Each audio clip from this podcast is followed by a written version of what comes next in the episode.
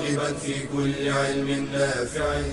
ينمو العلم ويتقدم بتقنياته ومجالاته ومعه نطور أدواتنا في تقديم العلم الشرعي. أكاديمية زاد. زاد أكاديمية ينبوعها. صاف صاف ليروي غلة الظمآن. هذه عقيدتنا الصحيحة فطرة تنفي الشكوك بواضح البرهان. بشرى لنا زاد أكاديمية للعلم كالأزهار في البستان. السلام عليكم ورحمة الله وبركاته. الحمد لله والصلاة والسلام على رسول الله. وعلى آله وصحبه ومن اهتدى بهداه. أما بعد فأرحب بالإخوة والأخوات المشاهدين والمشاهدات في مستهل هذا اللقاء وأسأل الله بأسمائه الحسنى وصفاته العلى أن يرزقنا جميعا العلم النافع والعمل الصالح وأن يحفظ علينا ديننا وأن يقينا شر الفتن ما ظهر منها وما بطن. وكنا تحدثنا في المحاضرة السابقة وفي اللقاء السابق عن قضية الإلحاد وعن من وراء نشر مرض الإلحاد وخاصة في صفوف المسلمين وما هي الأسس التي يقوم عليها هذا الإلحاد وما هي الأفكار والمرتكزات. وحديثنا في هذا اللقاء هو الإشارة إلى بعض الشبه التي قد يروج لها في البلاد الإسلامية. لغرس مثل هذه الأفكار وللدعوة إلى الإلحاد الذي هو يعني فكر منبوذ مصادم للفطرة وللعقل وللعلم فضلا عن مصادمته لكتاب الله تعالى وسنة نبيه صلى الله عليه وسلم. وبين يدي الحديث عن الشبه فالشبهات لا حد لها الشبهات لها تأثير في العقول. ولذلك كان من هدي السلف الصالح رضوان الله تعالى عليهم هو قطع دابر الشبهات وعدم الاستماع لمروجيها ومنع استعمال أو منع من يروج لها. والأمر في ذلك واضح جدا في كتاب الله عز وجل حينما قال الله عز وجل فأما الذين في قلوبهم زيغ فيتبعون ما تشابه منه هم الذين يثيرون الشبه. ويعلنونها وينشرونها بين صفوف المسلمين لترويجها. وبين أن في قلوبهم زيغ فلا يروج للشبهه إلا مريض القلب أو عدو حاقد. إما مريض مريض قلب ممن ينتسب للإسلام وأهله والدين أو أنه عدو حاقد للغرض هو يسعى إلى نشر مثل هذه الشبهات. وكان المسلمون على حذر ويقظة. الله عز وجل لما قال هنا فأما الذين في قلوبهم زيغ فيتبعون ما تشابه منه ابتغاء الفتنة وابتغاء تأويله ما يعلم تأويله إلا الله. ذكر الصنف الآخر قال والراسخون في العلم يقولون آمنا به كل من عند ربنا وما يذكر إلا أولو الألباب. قال بعدها ربنا لا تزغ قلوبنا بعد إذ هديتنا وهب وهب لنا من لدنك رحمة إنك أنت الوهاب. فالإنسان في حاجة إلى تثبيت الله عز وجل وألا يعني يتأثر قلبه بشيء من مثل هذه الشبه ومن وما يروج للتشكيك الناس في دينهم. فيلجؤون إلى الله عز وجل في أن يثبتهم على الحق حتى الممات لأن الشبه خطافة وأثرها خطير. ولذلك يدعو الإنسان ربه أن يحفظه وأن يحميه من هذه وسائل الزيغ والانحراف. ربنا لا تزغ قلوبنا بعد إذ هديتنا وهب لنا من لدنك رحمة إنك أنت الوهاب. وهذا دعاء الراسخين فكيف بمن دونهم؟ ونبينا صلى الله عليه وسلم وهو المعصوم بأبي هو وأمي ونفسي عليه الصلاة والسلام كان يفتتح صلاة ليله بالدعاء الذي أشرنا إليه في المحاضرات السابقة في التوسل إلى الله عز وجل. بأسمائه وصفاته. اللهم رب جبريل وميكائيل وإسرافيل فاطر السماوات والأرض أنت تحكم بين عبادك فيما كانوا فيه يختلفون. اهدني لما اختلف فيه من الحق بإذنك إنك تهدي من تشاء إلى صراط مستقيم. فالشبه خطافة وخطرة ولذلك حري على ولاة أمر المسلمين وعلى علماء المسلمين وعلى أولياء أمور الشباب والشابات. أن يقطعوا دابر هذه المنافذ التي تدخل إلى عقول الشباب والشابات فتؤثر في وتغرس الشك كما مر معنا فيما تقدم في المحاضرة آه، السابقة. هذا الأمير المؤمنين الملهم الخليفة الراشد عمر بن الخطاب رضي الله تعالى عنه لما بلغه أن صبيغا كان يسعى ويدعو إلى نشر بعض الشبهات ويدعو ويتساءل عن بعض الأمور التي تثير الشك وتثير الريبة في آه، بعض أصول الدين والنصوص القرآنية. فلما وجده عمر كان يسأل عنه فلما وجده استدعاه عمر رضي الله تعالى عنه.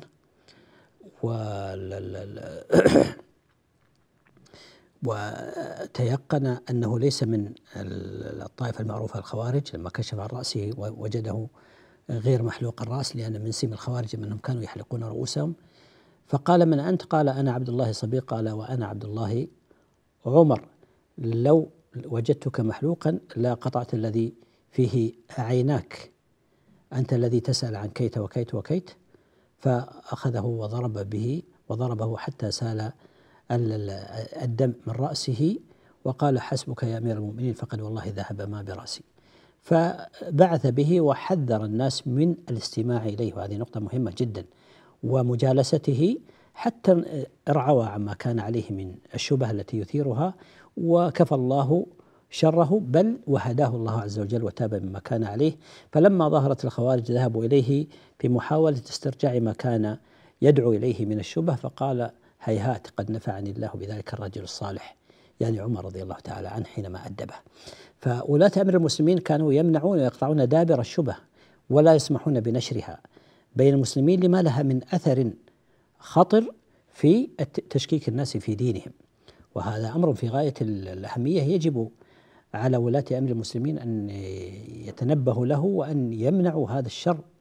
كما يمنعون آه، انتشار الأمراض والأوبئة وعمل المصحات الصحية في منع الأوبئة في انتشارها في بلاد المسلمين التي تنهش بأجسادهم فهذه الأوبئة أوبئة الشبهات أخطر من أوبئة الأمراض الجسدية لأنها تفسد العقول وتفسد الأديان. وإذا فسدت الأديان فسدت الدنيا والآخرة. نسأل الله العافية والسلامة. فهذه من الأمور التي يجب أن يتنبه لها المسلمون أولياء أمور وأولياء أمور الشباب والشابات والعلماء وأصحاب القرارات والحذر في آه، دخولها إلى أبناء المسلمين. يبقى بعد ذلك بعض الناس يقول يعني الحق مهما كانت لا لا لا يخاف الشبهات. الشبهات يمكن أن ترد حتى على آه، الحقائق والمسلمات. ولهذا يقول آه، شيخ الإسلام ابن تيمية رحمه الله تعالى يقول يقول ما من حق ودليل إلا ويمكن أن يرد عليه من شبه من شبه سوفسطائية. يعني يثار عليه من الشبهة السوفسطائية ليه؟ قال فإن السفسطة إما خيال فاسد وإما معاندة للحق وكلاهما لا ضابط له. هذا كلام في غاية الأهمية. ما من حق ودليل وإن كان أوضح من الشمس إلا ويمكن أن تورد عليه بعض الشبهات. لماذا؟ لأن الشبهات إما مبنية على خيال فاسد وللإنسان أن يتصور ما شاء من الفساد في الخيال أو معاندة الحق وهذه سنتكلم عنها بعد الفاصل إن شاء الله. فإلى أن نلتقي أستودعكم الله. والسلام عليكم ورحمة الله وبركاته. بشرى لنا زاد أكاديمية للعلم كالأزهار في البستان.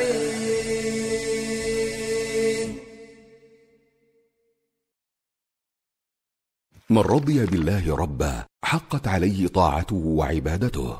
قال تعالى رب السماوات والأرض وما بينهما فاعبده واصطبر لعبادته. والصبر على أداء الطاعات أكمل من الصبر على اجتناب المحرمات. وطاعة الله تحتاج إلى أنواع من الصبر كالصبر على الإخلاص فيها ومدافعة دواعي الرياء والغرور والصبر على الاتباع فيها وتكميلها والصبر على ترك التقصير فيها والابتداع والمداومة عليها وعدم الانقطاع. قال تعالى وأمر أهلك بالصلاة واصطبر عليها. لا نسألك رزقا نحن نرزقك والعاقبة للتقوى.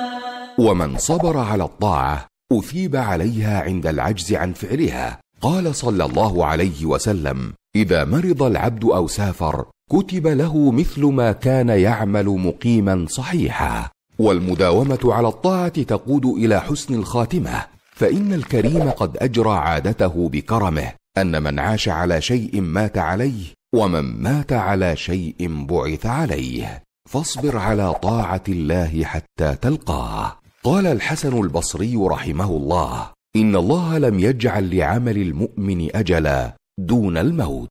ثم قرأ واعبد ربك حتى يأتيك اليقين.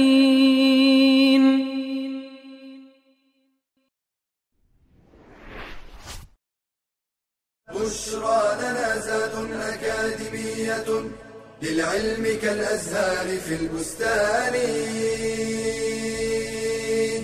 السلام عليكم ورحمة الله وبركاته.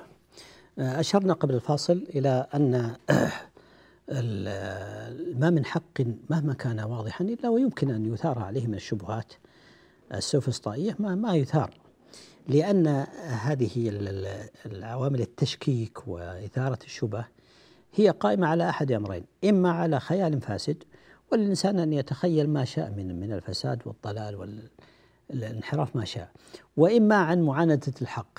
يرى الحق أبلج كالشمس ثم مع ذلك يعانده ويثير عليه ما يجادل به ليدحض به الحق كما قال الله سبحانه وتعالى.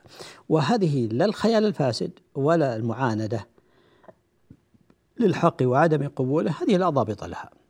فلذلك لا يستوحش الإنسان من كثرة الشبهات لكن عليه أن يصدها وألا يفتح نافذة قلبه إليها البتة. ولذلك كان السلف رحمه الله تعالى أحرص ما يكون في النهي عن مجالسة أهل الأهواء وأصحاب الشبهات والاستماع لهم والتحذير من ذلك وجاءت النصوص الكثيرة في هذا الأمر.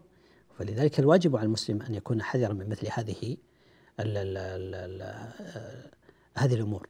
ومثال على ذلك لما ذكر النبي صلى الله عليه وسلم الدجال في آخر الزمان والفتنة التي يقوم بها والشبهة التي يثيرها قال صلى الله عليه وسلم وهو مبدأ يجب أن يكون حاضرا في ذهن كل مسلم أمام هذه الفتن وهذه الشبهات. قال فمن وجد ملاذا فليعد به. يهرب. يهرب عن الفتن وعن مواطن الفتن وعن مواطن الشبهات. فمن وجد ملاذا فليعد به. لا يقول نشوف ما عندهم نسمع إلى ما عندهم. نحن فينا عقول نميز. لا لأن الشبهة خطافة. وقد يأتي الإنسان يريد مجرد النظر فيها معرفة ما عند الآخر كما يقولون فتغرس في قلبه بذرة الشك فتفسد عليه دنياه وأخراه. وهذا ما يسعون إليه كما مر معنا في النص الذي قرأناه قبل قليل فيجب الحذر. كل الحذر من التساهل في مثل هذه الأمور والمسألة مسألة في غاية الخطورة. خسارة الدنيا والآخرة. خسارة الدنيا والآخرة والعياذ بالله. فهذه يعني الشبهة السوفسطائية كما قلنا والسفسطة التي ترد على يعني ألسنة الناس كثيرا هي بمعنى التمويه والمغالطة.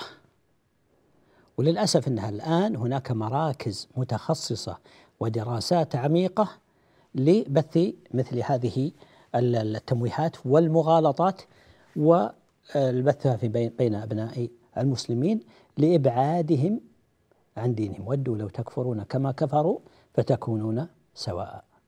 والله المستعان. ثم هذه الشبهات من هذه الشبهات على سبيل المثال؟ وهي شبهة ليست وليدة فهي يعني آه، حقوق إثارة هذه الشبهة محفوظة للشيطان لزعيمهم وأولهم. وهي الشبهة التي يقولون ويروجون لها إن كان إذا كان لكل موجود موجد ولكل مخلوق خالق فمن خلق الله. أقول هذه الشبهة ليست جديدة. وهذه من وساوس الشيطان وقد أخبرنا النبي صلى الله عليه وسلم عنها. وقال عليه الصلاة والسلام لا يزال الشيطان بأحدكم حتى يقول له هذا خلق الله فمن خلق الله؟ هذه هذه من وساوس الشيطان. والذي يروج لها الآن هم شياطين الإنس. أخذوها من زعيمهم الأكبر إبليس اللعين وبدأوا يبثونها في آه، بين المسلمين. فالنبي صلى الله عليه وسلم حذر من هذا وهي من وساوس الشيطان. فقال لا يزال الشيطان بأحدكم حتى يطرح عليه هذه الشبهة. قال صلى الله عليه وسلم فمن وجد ذلك فلينته. لا يستسر يعني يسترسل مع الشيطان. وقال عليه الصلاة والسلام آه، في رواية فإذا وجد ذلك فليقل آمنت بالله ورسوله أو آمنت بالله وملائكته وكتبه ورسله واليوم الآخر. فيقطع حبل وسوسة الشيطان إذا دخل عليه في مثل هذا الأمر. الأمر الثاني أن الله عز وجل قد حسم مادة هذه الشبهة في كتابه العزيز كما أنزل الله عز وجل في قوله عز وجل أم خلقوا من غير شيء؟ أم هم الخالقون؟ أم خلقوا السماوات والأرض بل لا يوقنون؟ والفطرة السليمة تسلم لمثل هذا ولا تعترض. ولذلك قال جبير بن مطعم رضي الله تعالى عنه وكان على الشرك لما سمع النبي صلى الله عليه وسلم يقرأ في صلاة المغرب بسورة الطور وذكر هذه الآيات يقول كاد قلبي أن يطير لتأثره من هذه أم خلقوا من غير شيء؟ هل يقول يدعي إنسان أنه خلق من من لا شيء؟ هذا أمر مستحيل. أشد استحالة أم يكونوا أم أم خلقوا من غير شيء؟ أم هم الخالقون؟ وهذا الأمر أشد استحالة. أم خلقوا السماوات والأرض؟ بل لا يوقنون. فلذلك حسم الله تعالى مادة هذه الشبهة بهذه الآيات بهذه الآية في معانيها القوية الحاسمة لكل معنى من معاني المعاني التي تروج لها أمثال هؤلاء المغرضون وهؤلاء المفسدون. والشبهات ليست جديدة. ومما يحسن ذكره في هذا المقام أن الخطيب البغدادي في تاريخ بغداد وكذلك ابن الجوزي نقلها وذكر الحافظ بن حجر في الفتح وفي لسان الميزان أن ملك الهند أو ملك الهند أن ملك الهند أرسل رسالة إلى هارون آه، الرشيد فيها سؤال من باب يعني الامتحان والتعجيز. فقال عندكم إن الله على كل شيء قدير. فهل يقدر على أن يخلق مثله؟ تعالى الله. فهل يقدر على أن يخلق مثله؟ تعالى الله. يقول فجمع هارون العلماء وطرح عليهم الشبهة. فقال أحدهم ينقص قدرنا إن أجبناك على هذا السؤال. ولكن إنما يجيبك أصغر التلاميذ عندنا فخذ من تريد يجيبك على هذا السؤال. فاختار أحد صغار التلاميذ وسأله وقال يا أمير المؤمنين لا تكن من الجاهلين صحح سؤالك قبل أن تسأل فسؤالك متهافت. فقال هارون وكيف؟ قال أنت تقول يخلق والمخلوق حادث وتقول مثله والله عندنا أول قديم لا أول له سبحانه وتعالى. فكيف يكون الحادث مثل القديم يعني بعبارة أخرى كيف يكون المخلوق مثل الخالق؟ يعني هذا أمر مستحيل لا يمكن أن يقع. أن يخلق مثله لأن المثل هذا مخلوق. فهل يمكن أن يكون المخلوق مثل الخالق؟ تعالى الله. فهذا جواب مفحم قاطع لمثل هذه الشبهة. وهذا القول إذا لكل موجود لكل موجود موجد ولكل مخلوق خالق. فمن خلق الله هذا السؤال بهذه الصورة يؤدي إلى التسلسل الممتنع المستحيل. ولذلك فإنه يستحيل عادة أن يوجد موجود بلا موجد إلا الله عز وجل. فلا بد أن ينتهي الأمر إلى موجد لا لا خالق له وهو الله سبحانه وتعالى فهو الخالق وكل من عداه فهو مخلوق فهذه الحياة في المخلوقات فيها من المخلوقات الحية دليل على وجود الخالق سبحانه وتعالى وما فيها من الآيات الكونية القاطعة على أنه ما من موجود إلا له موجد والله سبحانه وتعالى هو الخالق لكل شيء وما عدا الخالق سبحانه وتعالى فهو مخلوق النصوص الآيات الكونية والآيات الدينية الشرعية كلها حاسمة بأن لكل هذا الوجود لابد له من موجد واحد لا أول له وهو الله سبحانه وتعالى. وهذا الأمر في غاية ال ال ال يعني الوضوح والبينة وفي كل شيء له آية تدل على أنه واحد سبحانه وتعالى. لا تدل على وجوده سبحانه وتعالى فحسب بل تدل على تفرده سبحانه وتعالى. بالخلق والإيجاد والتدبير والعبادة فلا إله إلا الله وحده لا شريك له.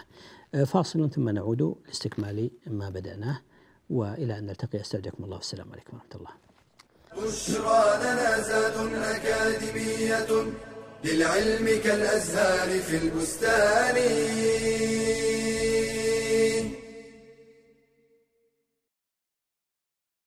نعم الله علينا كثيرة جدا. لا نستطيع لها حصرا ولا نطيق لها شكرا إلا أن يوفقنا الله لذلك.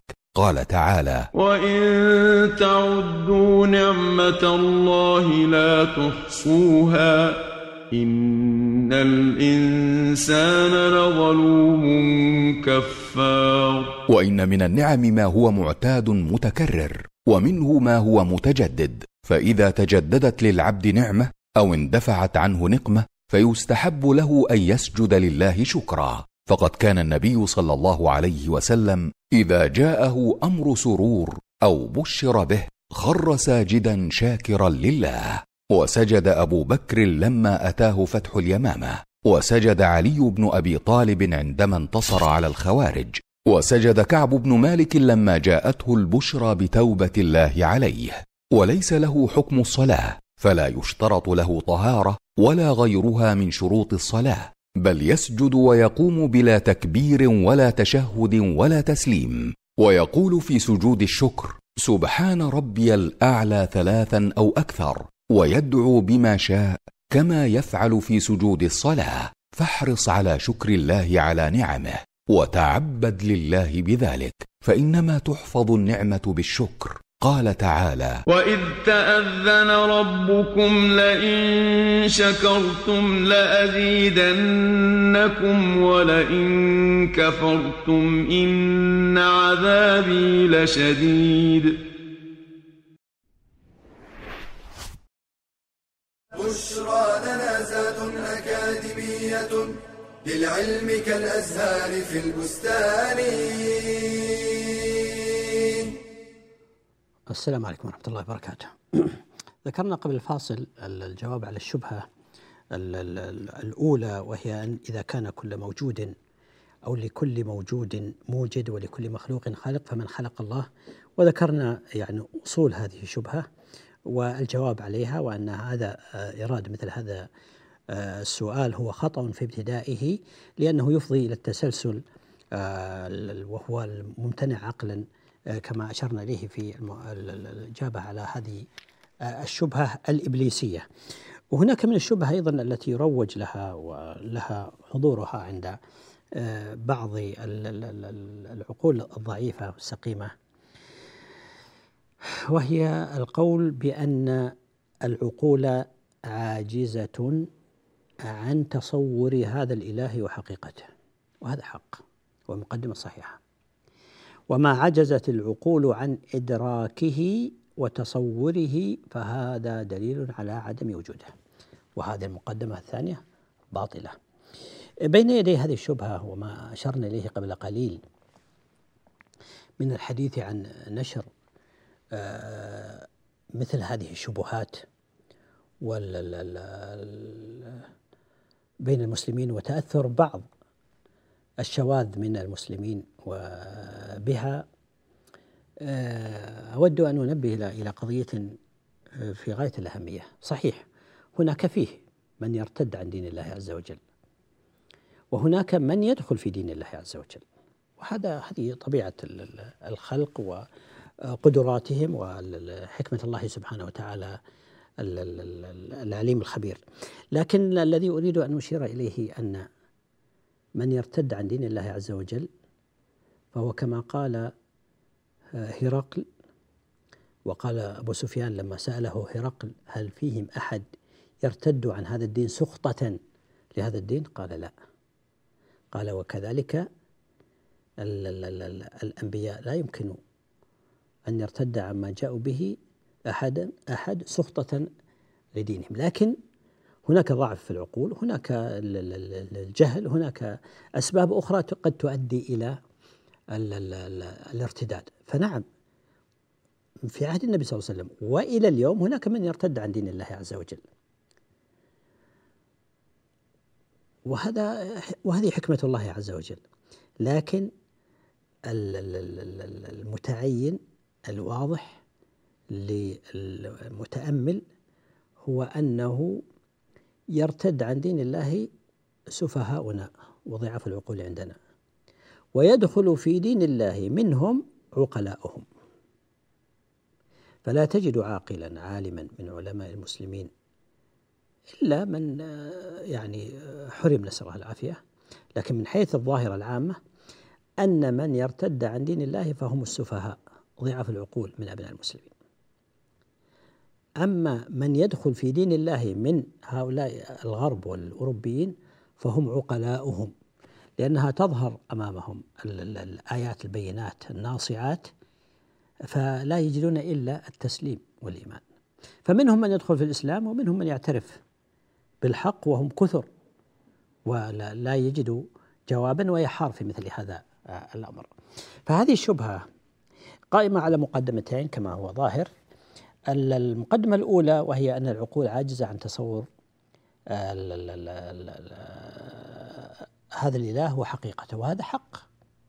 لأن الله عز وجل يقول ليس كمثله شيء وهو السميع البصير. فالعقول لا تدركه سبحانه وتعالى ولا تت يعني لا يمكن أن آه، وهي عاجزة أن تتصور كنه الله عز وجل وحقيقة الله عز وجل. لكنها تؤمن به سبحانه وتعالى حقيقة واقعة بآياته ومخلوقاته وآثاره وأمره ونهيه وغير ذلك من الأمور. فالمقدمة الأولى صحيحة. أما المقدمة الثانية وهي أنه ما دامت العجوز العقول عاجزة عن إدراك إدراكه وتصوره فهذا دليل على عدم وجوده فهذه مقدمة باطلة بلا شك ولا ريب.